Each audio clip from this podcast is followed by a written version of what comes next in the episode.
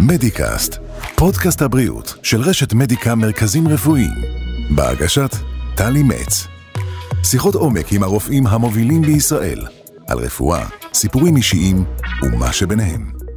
בקע, הרניה, קילה, בחרו איזה שם שתרצו. אה, זה תיאור למעשה לקרע במעטפת אה, רקמות פנימית, שיכול להופיע באזורים שונים בגוף, אבל מופיע בדרך כלל באזורי הבטן והמפסעה.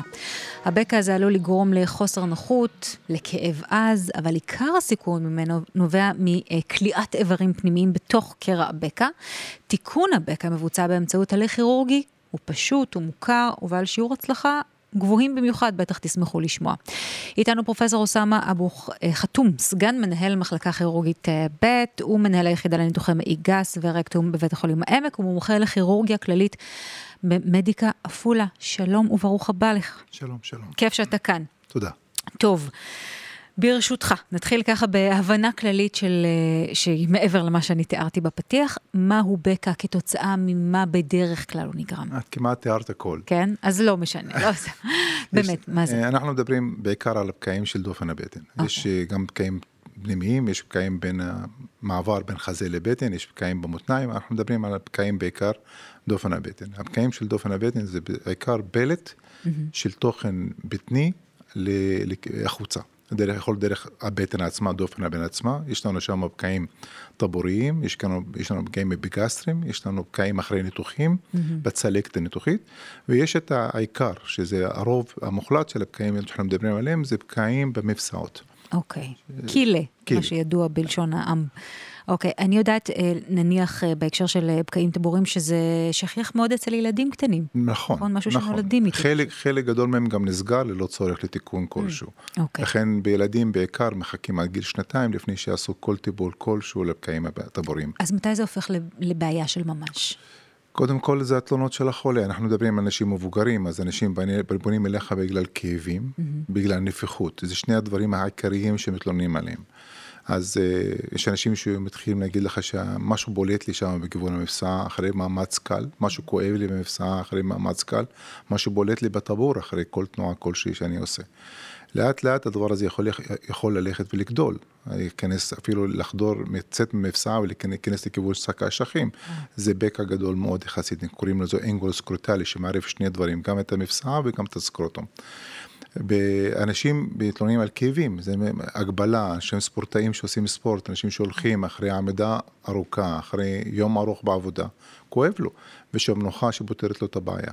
ולכן הם בונים לבדיקה. זו, זו אינדיקציה מנוחה שפות, ש, שפותרת את הבעיה או לא? זו אינדיקציה האם באמת יש צורך בהתערבות אה, כלשהי? מה, הכל תלוי, הכל תלוי בכמה חולה מתלונן, mm-hmm. כמה זה מפריע לו ביום יום.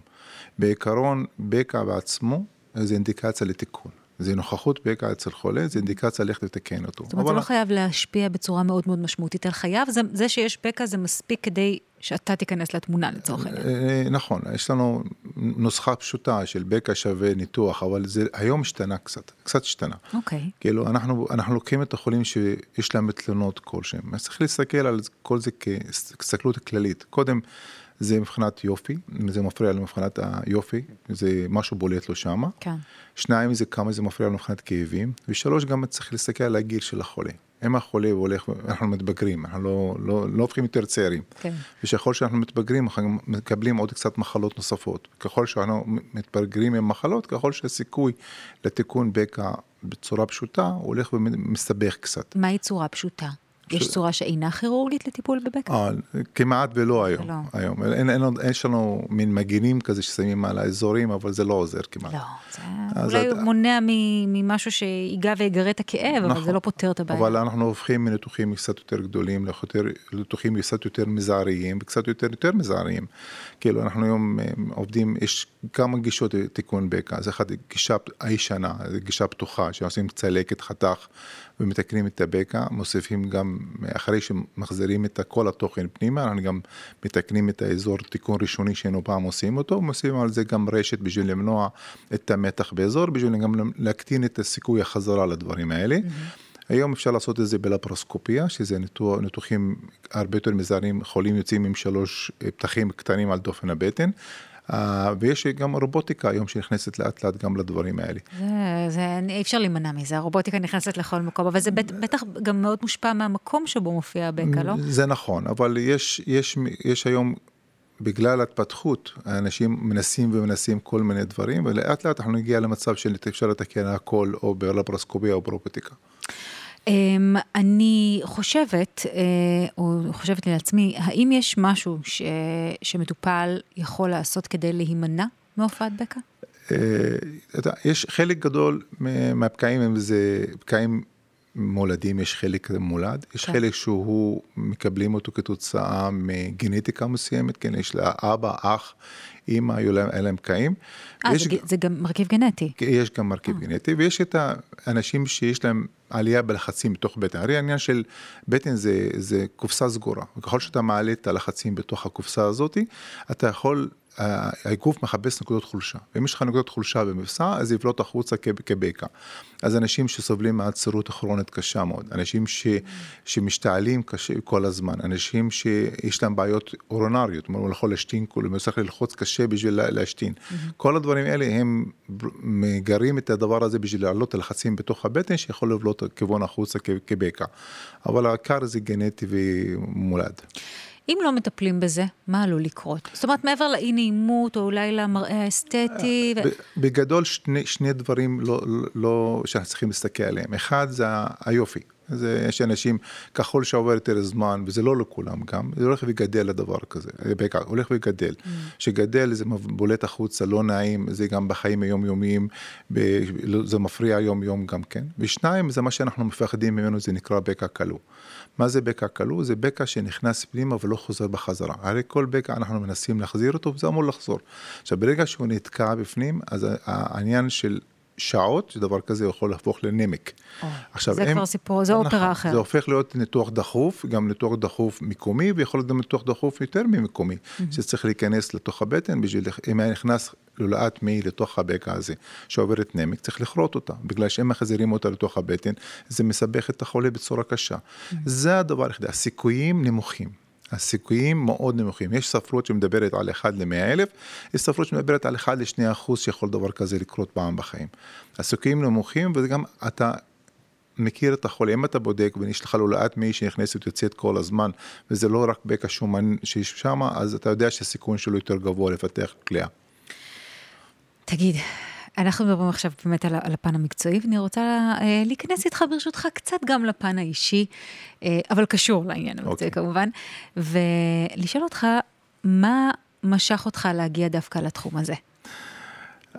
זה, זה מחזיר אותנו הרבה הרבה שנים אחורה. כן. בבית של ההורים שלי היו שם תמיד את ה-time magazine, כל, כל, כל חודש על השולחן, mm-hmm. כל שבוע מתי שיצא. יש שם פרק של רפואה. והפרק הזה, אני, זה הכי, הפרק הכי אהוב עליי בכל החוץ מהטילים, הדבר הכי אהוב עליי שהיו שם. אז הייתי קורא את זה, משם אני המשכתי לכיוון. תמיד, זאת אומרת, כבר, כבר כנער, נניח, משך אותך תחום הרפואה. חד וחלק. כירורגיה דווקא. זה אהבת חיים. כן? כן. אני רואה את עצמי עם החיוך הכי גדול שאני נכנס לחדר ניתוח.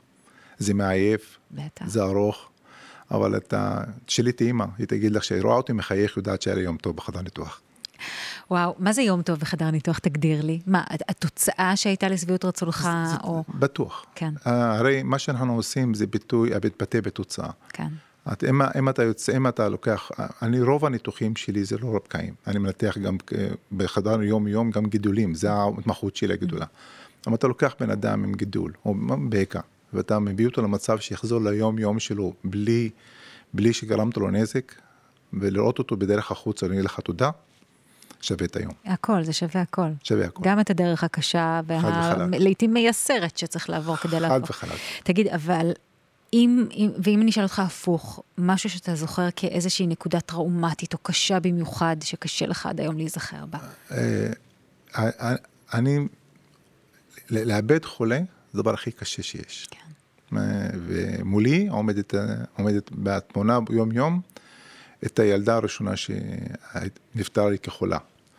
אז הייתה בת 15, הייתי סטודנט לרפואה בירושלים, ואני באתי בבוקר, ראיתי את ההורים שלה בוכים בחוץ, ועד היום זה כואב לי שאני מדבר על זה. כן. זה, לאבד חולה בכלל זה לא, לא קל, ממש לא קל. כאילו, אי, אי אפשר להתרגל לדבר כזה, אי אפשר, אי אפשר לקום, אומרים, אה, זה החולה נפטר, אין דבר כזה.